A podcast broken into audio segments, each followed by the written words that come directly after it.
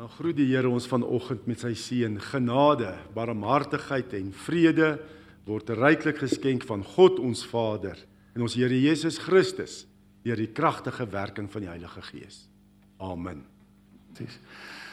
Goeiemôre geloofsfamilie. Is uh, fantasties om so uh, surrender te hê voordat mense nou inkom om om woord te kry en ek bid dat dat die woord wat nou kom, ehm um, sal vrugbare grond vind in elkeen van julle. Ehm um, ek het vandag 'n stukkie uit Markus 9 vanaf vers uh, 33 tot en met Markus 10 vanaf tot en met vers 9.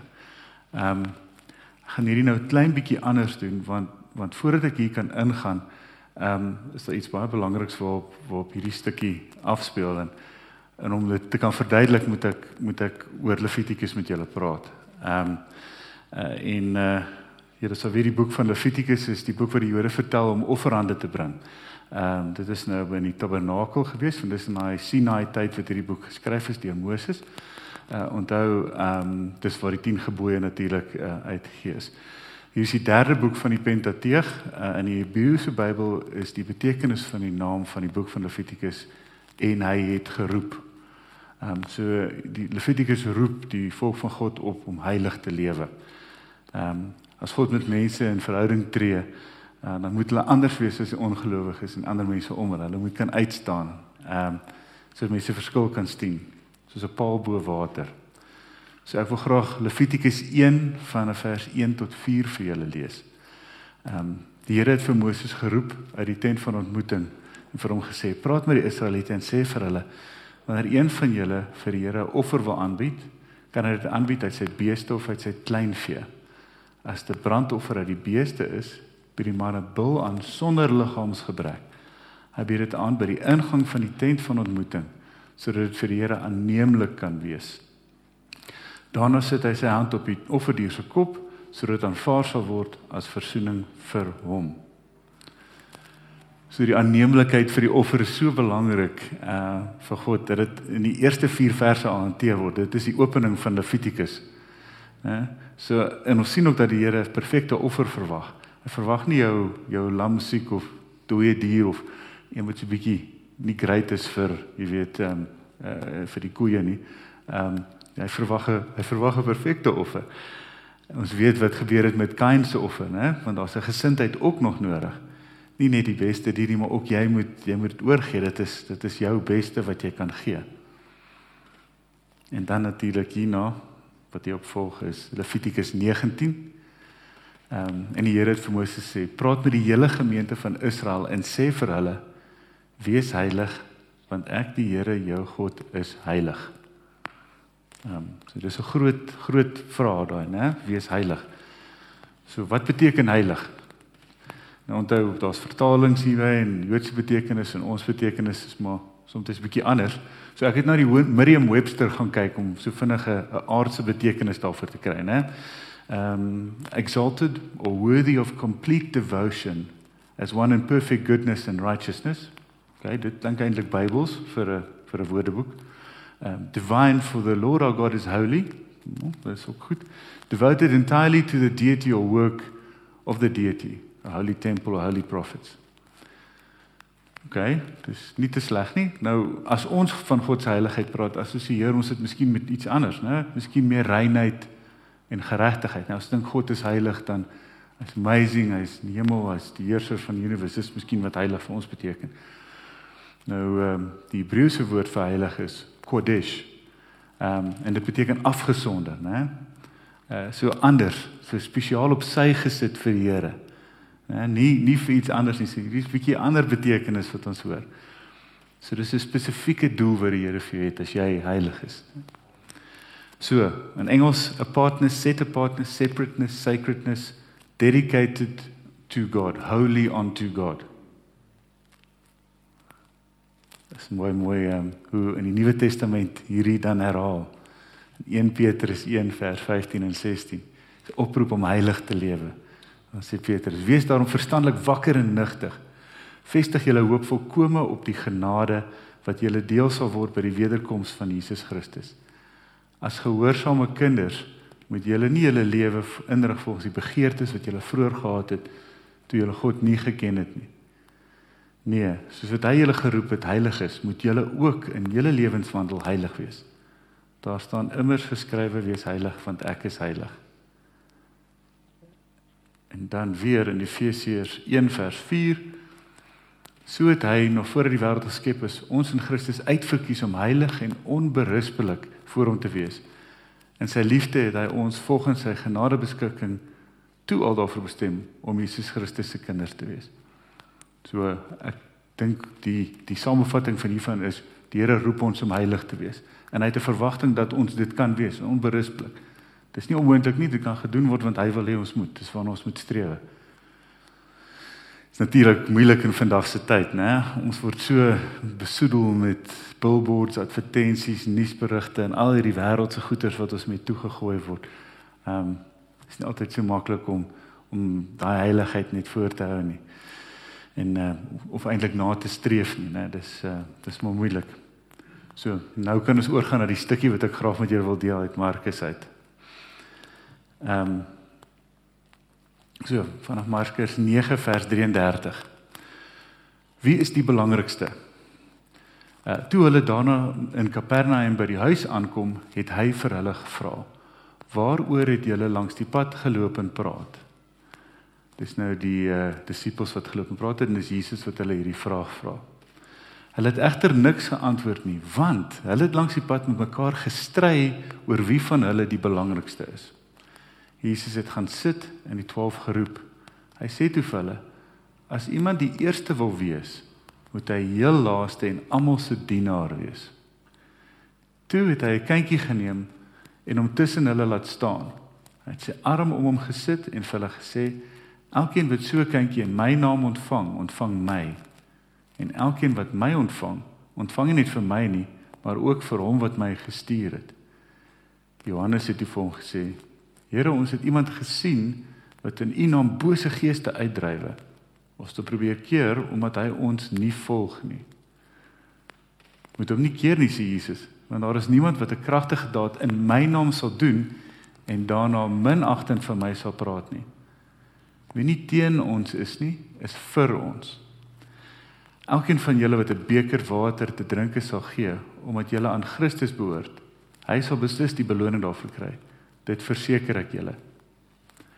Elkeen wat van hierdie kleintjies wat in my glo, van my afvallig laat word, vir hom is dit beter om 'n groot meulsteen aan sy nek vasgemaak te word en in die see gegooi te word. As jou hand van my afvallig word, kap hom af.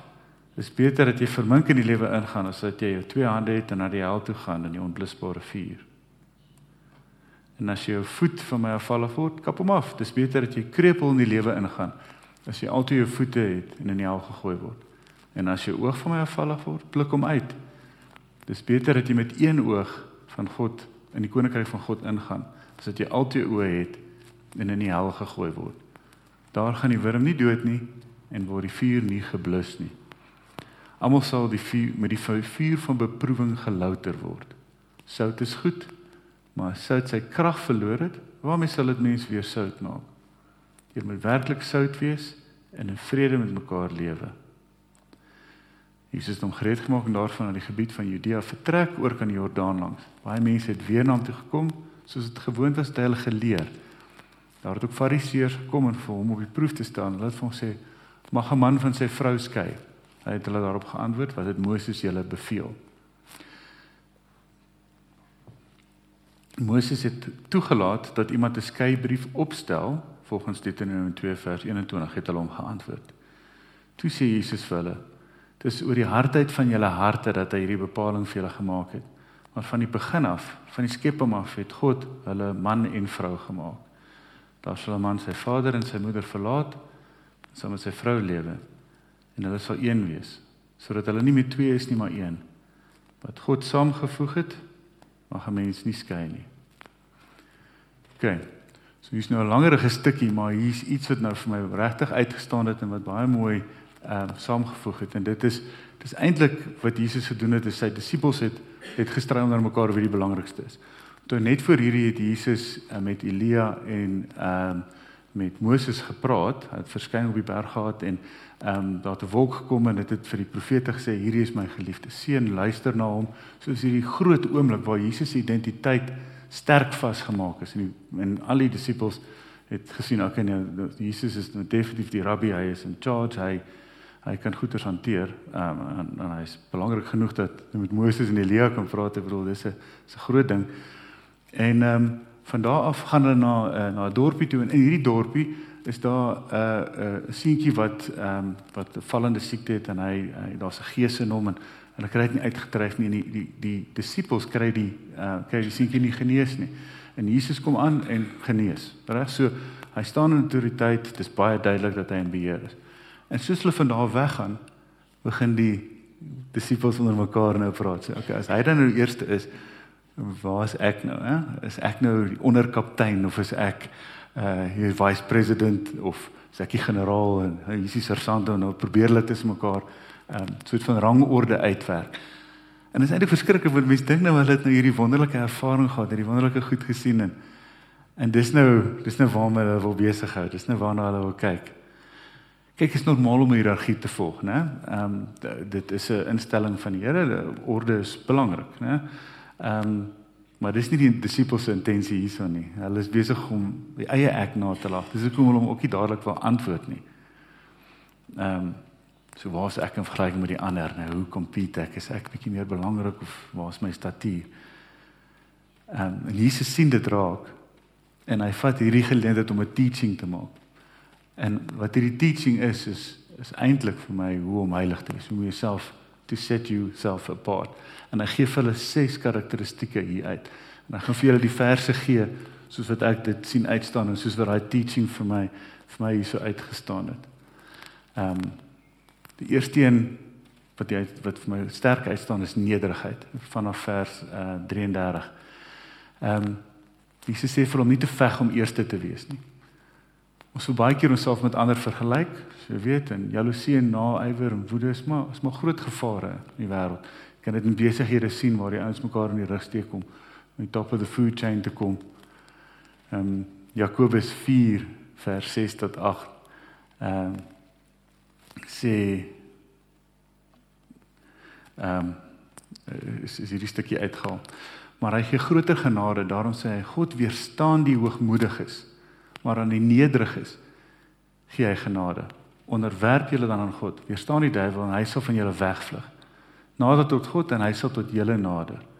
Reinig die hande julle sondaars en suiwer julle harte dubbelhartiges. So Jesus sê, "Oké, okay, maar as jy dan wil meer ding en dit is in jou, dan meer ding om die laaste plek." So hy roep leiers tot nederige diensbaarheid. Nou hierdie is eintlik vir my baie baie interessant. Ons het um, nou nog by by die werk baie exposure aan thought leaders en hierdie belangrike ouens in in groot organisasies. En hulle het nog gesê hier's hierdie nuwe ding servant leadership wat hulle nou besig is om te werk. Dis fantasties jy jy het hierdie hierdie deel waar jy eintlik nederig is en mense empower en dis hierdie nuwe ding. Maar so maar dis nie nuut nie. Ja, dis in die Bybel. 2000 jaar terug het Jesus ons geleer om hierdie te doen. Jy is nie besig om die wiel te, jy is besig om die wiel te herontdek hierso. Dis dis amazing. Ek God is 'n God van orde, né? En organisasies soos kerke en besighede werk met baie eeners en dis hoekom my leierskap, dis hoekom my leierskap met metode werk. So die eerste een is nederigheid. Die tweede een is liefde van vers 36 tot 38. Ons is dit Jesus se arm om 'n klein kindjie, né? Met ander woorde hy hy hou vas en sê ek jy's belangrik, né? Ek sien jou. En elkeen wat so kindjie in my naam ontvang, ontvang my en elkeen wat my ontvang, ontvang nie net vir my nie, maar ook vir hom wat my gestuur het. So verwelkom almal. Die swakkes, die rykes, die armes, die wat kwaai is, die wat ehm um, vriendelik is, die wat ehm um, goeie goed doen, die wat slegte goed doen. Hulle moet almal uitgenooi word. Hoekom? Ja. En die Here gee ons ook liefde, hy het ons ook lief. Hy sien ons en sê vir jou het ek lief en en dis onvoorwaardelik. Daar's nie daar's niks nodig vir daai liefde om transaksioneel te wees nie. Daar's nie ruil transaksie nie. Dit is dis die Here sê net ek het jou lief want jy is my kind. So maklik is dit. Daar's nie 'n persoon op hierdie aarde wie die Here nie liefhet nie. Voel soms as mens met 'n uh, mens wat baie kwaai is, waar dat daar dalk iemand is wat 'n bietjie uitmis, maar maar dis nie die geval hierse nie. Die ehm um, die Grieke het 8 woorde vir liefde. Dis uh it's amazing. Ek dink hulle het so 'n gevoel vir die belangrikheid daarvan. Ehm um, en uh ons sien 'n paar van in die Bybel, dis natuurlik die agape waarvan ek net gesê het, die filio wat die familieliefde is, storgos, uh ekskuus, familieliefde, storgos is, filio wat familie en vriende liefde is. En dan natuurlik die liefde tussen 'n man en 'n vrou wat eros is. En dan sou ook mania wat obsessiewe liefde is, ludos, speels en pragma, lankhoudende liefde en uh, philautia om jouself lief te hê. Ehm um, so hulle definitief verstaan dat hierdie liefde baie aspekte daaraan. Ehm um, en en dit broers en susters is eintlik 'n baie belangrike ding want ons ons moet vol wees van liefde sodat ons kan oorloop daarvan en dit aan ander gee. Ehm um, baie van hierdie ander liefdes het 'n transaksiewaarde. So jy kry en jy gee. So jy word nie altyd vol daarvan nie, né? Soos 'n soos 'n tank. Maar die Here se liefde, daai agape liefde maak ons vol. Dit maak ons vol dat ons kan oorloop en dat ons kan oorloop vir ander, dat dit kan cascade, dat dit kan aangaan en ander mense ook daai liefde kan ervaar, sodat hulle ook kan vol raak en hulle dit ook kan kan aangee. En dit is nie transaksioneel nie. So moenie verwagting van ons wees dat daar gaan iets in dit wees nie positiewe woorde. Hey, jy lyk goed vandag. Um, joh, dit is uh, dis lekker om jou te sien. Moes sommer bly. Daai woorde het het baie betekenis. Dit is nie moeilik om te doen nie. Dis 'n klein bietjie effort. Dit sluit natuurlik ook vermaaning in. Liefde is nie net een kant en opbouend en hoe-ha nie. As 'n as 'n ouer weet jy dit baie baie goed. Jy moet jou kind leer om nie 'n vinger in die plek te sit nie. Dis 'n uh, dis dis 'n uh, dis nie net 'n een kant nie. Maar ehm um, ek dink julle verstaan wat ek sê oor liefde. Dan die volgende een is verdraagsaamheid. So dis vanaf vers 38 tot 41. En dis 'n groot ding in die wêreld vandag, né, om verdraagsaam te wees. Daar's soveel onverdraagsaamheid, né, teenoor teenoor rasse, teenoor gelowe Christene, moslems, die patriargie, uh identiteit, identiteitsgroepe, soos jy deel van hierdie, as jy deel van daai, as jy links, jy regs, as jy in hierdie politieke party En die vrugte van hierdie onverdraagsaamheid is verskriklik duidelik. Dis die woede, haat, risie wat volg. sien die bullies uitkom, die trolls soos hulle genoem word op die internet, die uh, geweld wat ons sien, dis daai oorlog, dis onverdraagsaamheid. Mense wat idees het oor goeders wat in die 90's relevant was, veroorsaak nou dat dat daar oorlog gebeur. Hulle wil die Rusland weer re-establish. Die mense gaan dood in die proses en dit is nie belangrik nie. Dit is Dis verskriklik hartseer. Dit is natuurlik goed om meer verdraagsaam te wees. Mens moet verdraagsaam wees, maar daar's ook 'n lyn. Ek seker ek hoef julle nie te herinner dat uh, Jesus die handelaars uit die tempel uitgejaag het met 'n sweep nie, né? Ehm, um, maar natuurlik in hierdie geval wat ons nou kyk na die stukkie 38, is Jesus eintlik besig om te praat oor onverdraagsaamheid. En hy spreek dit aan. Die onvermoë van mense om net daai 2 sekondes te wag, diep asem te vat en konflik vanuit die geestelike dimensie te hanteer en nie uit die vlees daai onmiddellike reaksie nie. Julle sal onthou ons het al gepraat daaroor vleesreaksie is dit wat hier is honger, dors, kwaad, dis daai eerste emosies. Dan dis die uh, sielsdimensie, dis waar ons denke sit en dit is maar naby getaai aan die aan die uh, aan die vleesdimensie en dan is die geestelike dimensie daai wonende gees in ons wat ons help met 'n sagte hart dink met wysheid en die Here se insig dinge te kan hanteer. En natuurlik die onverdraagsaamheid wat ons hier in hierdie stukkie sien, is daai wat uit jaloesie uitkom. As mense so 'n bietjie uit die sielsdimensie dink, hoe kan ek nou beter doen en hoe kan ek myself opwerk in die hiërargie? Dan natuurlik die spesifieke ding wat vir my nogal sterk hier uitstaan is, die disippels kom na Jesus toe en sê, "Ja, uh, hier is hierdie ou wat in in u naam, jy weet, uh wonders doen." Uh, en die vraag is, "Oké, okay, maar is so hy dryf duiwels uit, hy doen goeie werk en hy hy gebruik my naam. Ja. OK, maar wat is die probleem daarmee? Dit gaan hulle sê hy's nie met ons geaffilieer nie. Hy's nie uh hy's nie deel van die franchise nie, né? Hy hy's nou nie in ons hiërargie nie so.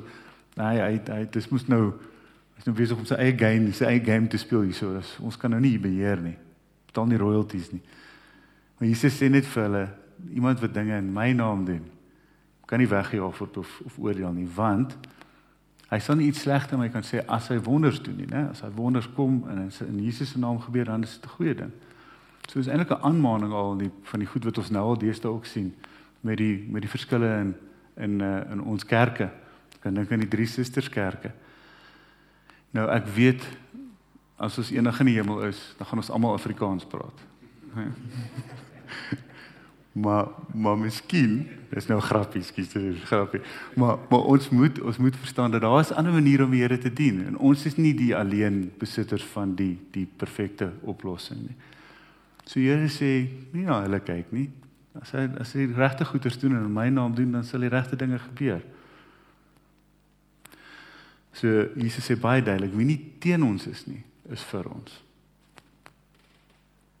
En dan die volgende stukkie van vers 42 tot 48, kyk ons na dissipline. Ons tolereer soms in ons eie lewens bietjie sondes, maar ons is vinnig om ander eh, op om dit in ander se lewens uit te wys. Laat ek verduidelik wat ek sê. So ek is gewoonlik baie rustig, dit gaan maklik, maar taxi drywer sny my af, sit in verkeer, hulle ry oor die rooi ligte, maak sny my toe, ek kan nie hier oor ry nie, dit maak my sommer kwaad dryf my tot so 'n paar kragwoorde gebruik in die proses. Maar ek weet mos dis 'n fout, so ek erken dit. Dis 'n dis 'n ding. Maar as dit kom by Steve Hofmeyer of Zuma of uh, Malema dan dan kan ek hulle 'n bietjie oordeel, né, want mens kan maar sien daai mense is nie goeie mense nie. Hulle is besig met hulle eie goed.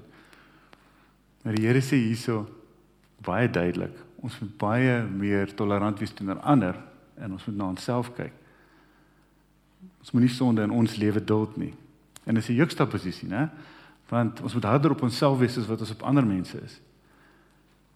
Die woorde is hard hierso, né? As jou hand afvallig word, kap hom af. As jou voet afvallig is, kap dit af. Pluk jou oë uit. Anders brand jy in die onblusbare vuur. Dis nogal sterk woorde hierso, né? Hierdie dissipline. En dit word 3 keer gesê. En ons weet natuurlik dat in die Bybel is daar baie betekenis aan nommers, né? So so 3 is 'n sterk aanmaning. Dis 'n dis 'n ronde syfer, maar dit beteken ook slaan 8. Luister nou wat hier gesê word. Ek dink ook aan uh, Matteus 7 vers 5 waar uh waar Jesus sê uh, haal eers die balk uit jou eie oog. Hy begin eintlik met huigelaar in die 53 vertaling. Haal eers die balk uit jou eie oog, dan sal jy goed sien om splinter uit jou broer se oog uit te haal. So ons moet daai selfrefleksie doen, soos die Engels sê, I must hold up the mirror. Kyk eerder na myself eers, nie worry oor die ander nie. Dan die volgende een, sien wat ek baie van hou, persoonlik is vers 50 gaan vrede. Jesus sê vir hom vrede in vrede met mekaar te lewe. Hierdie is vrede waarin ons moet lewe. Hierdie vrede oorheers vreeslike reaksies en behoeftes. Stel ons in staat om die wêreld te hanteer uit daai geestemens, soos daai rustigheid na die Here se vrede oor ons het. Maar dis meer as dit, né? Hier is nie 'n vrede wat passief in 'n verhouding met is met familie, so jy's net die een aan die hoekie en jy maak nie moeilikheid nie. Né? Of selfs met vriende en kollegas nie. Hulle vra jy om sout ook te wees. Vrede en sout. Wat doen sout? Sout bring geur en kos uit. Ek het ehm um, ek eet baie. Ehm um, toe ek jonger was het ek meer geëet. En my ma het op 'n stadium redelik moeg geraak vir my ehm uh, uh konstante kos aandra. So sy het toe gesê, "Wel, as jy 'n koek wil hê, maak dit self." En sy gee vir my die resep. En ek het die resep gevat en ek was baie trots op myself hoe die koek aan mekaar gemaak. Ek het 'n verskriklike gemors in die kombuis gemaak. Ehm um, Ella het vir my gesê sy, sy was ons bediener, sy was nie baie beïndruk nie, sy moes help skoonmaak na die tyd, maar maar ek het die koek aan mekaar sit en hy het wonderlik gereis en uitgekom en ek dink dit is nou een van die beste goed. Toe ek hy eerste proe proe, toe ek iets is verskriklik verkeerd.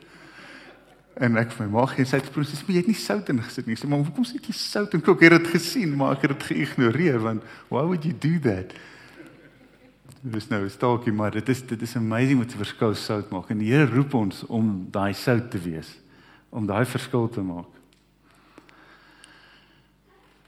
Sy wens vir sy disippels en vir ons is om as geloofsfamilie met mekaar oor die weg te kom. Om op te hou risie maak en werklik sout te wees en in vrede met mekaar te lewe. Dit is die fondament waarop die gemeenskap van gelowiges gebou kan word, né? Waar ons mekaar kan bemoedig en versterk. Maar meer nog, Jesus se gebed wat 'n rukkie later kom in Johannes 17 vers 21 spreek regtig vir my hiersovan. Dat ek dit gou vir julle ook hier opsit.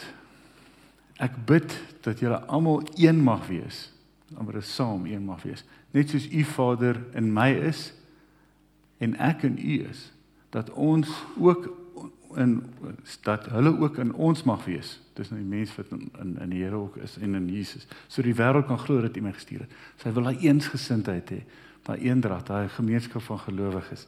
Dis in die Here se hart, dis in sy gebed met met sy hemelse Vader. En dan die 16 een, die laaste een, getrouheid. Dis nou van 'n vers 10 uh hoofstuk 10 vers 8. So Jesus roep ons tot getrouheid, om getrou te wees.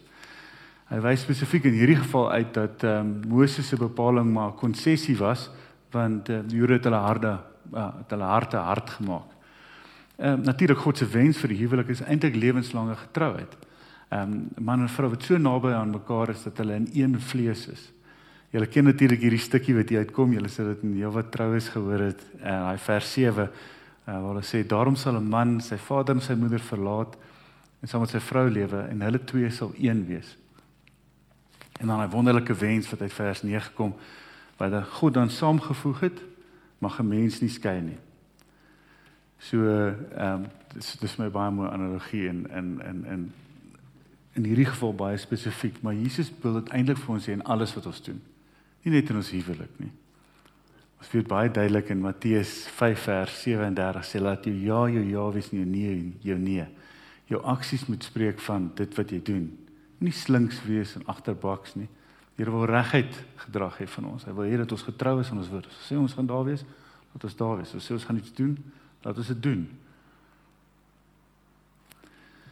As jy God aanvaar as jou saligmaker, is daar nie kans om ander gode ook aan ander gode getrou te wees nie. En ek dink nou spesifiek aan aan geld, ons praat nou van rykdom, mammon, ehm um, weet die voorvader geeste wat ook maar 'n groot ding is. Mens kan nie deel in hierdie goeders nie. Dit is net God. Moet getrou wees net aan God. Ons kan nie ook sê, "Wel, goed en dan so nou dan gaan ek my 'n bietjie oorgie aan 'n aan 'n aan 'n aan die pille en dwelms en, en alkohol nie. Ons is net God se. So dit is die ses kenmerke van heiligheid. Nederigheid, liefde, verdraagsaamheid, dissipline, vrede en getrouheid. So my broers en susters, wat ek wil sê is ons moet op hierdie fokus. Hierdie moet vir ons ding wees. As ons hierdie kan kan bou in ons. Ehm um, Wat kan ons meer nederig wees, né? Meer liefdevol, meer verdraagsaam, meer getrou. Ons het meer dissipline en dan het ons meer vrede ook in ons lewens. Sodat ons kan wees soos wat ons vra in Levitikus 19 vers 2. Wees heilig want ek, die Here, julle God, is heilig. Want as ons heilig is, dan kan hy ons gebruik vir ons goddelike doel. Ons kan gereed wees om in die wêreld uit te stap en 'n regte verskil te maak. Want uit ons eie kan ons dit nie doen nie. So ons het so mooi gesê in die begin ons het gesurrender met die met die liedjie toe ons hierdie gehoor het. Ek hoop regtig hierdie slaan by ons in sodat ons kan gereed wees dan vir die volgende stap en 'n verskil kan maak en sout en lig wees. Amen. Kom ons bid saam. Ons Vader en Hemel, Here, baie dankie Here vir die stukkie wat U vir ons gegee het, Here. Baie dankie Here dat U vir ons sorg, dat U vir ons voorsien dat U wil ons verhouding aanknoop, Here en om dit te doen, Here, roep U ons tot heiligheid. Here, want U is heilig. Here, U het sulke groot ideale vir ons, Here. En ons sukkel so om daarby uit te kom, maar ons weet ook, Here, U het verwagting is nie is nie verniet nie, Here. U weet ons kan heilig wees, ons kan meer wees. Here, help ons om in hierdie om in hierdie kenmerke te staan, Here. Help Here ons dat ons nederig kan wees, dat ons liefdevol kan wees, dat ons nie om ons kan aanraak, dat ons meer verdraagsaam kan wees, Here. Dat ons daai dissipline kan hê Here om U te dien net U. Here dat ons vrede het Here sodat ons 'n verskil kan maak in die omgewing om ons Here dat ons getrou bly aan U woord. Ons is dankbaar Here vir U kans. Ons bid dit in U naam. Amen Ontvang dan nou die seën van die Here die Here seën jou en bewaar jou mag sy aangesig oor jou skyn en mag hy jou genade bewys Mag sy guns oor jou rus en sy vrede jou vooruitgaan. Mag sy vrede jou omring want hy is in jou en hy is vir jou. Die een wat wil hê jy moet heilig wees, is vir jou. Amen.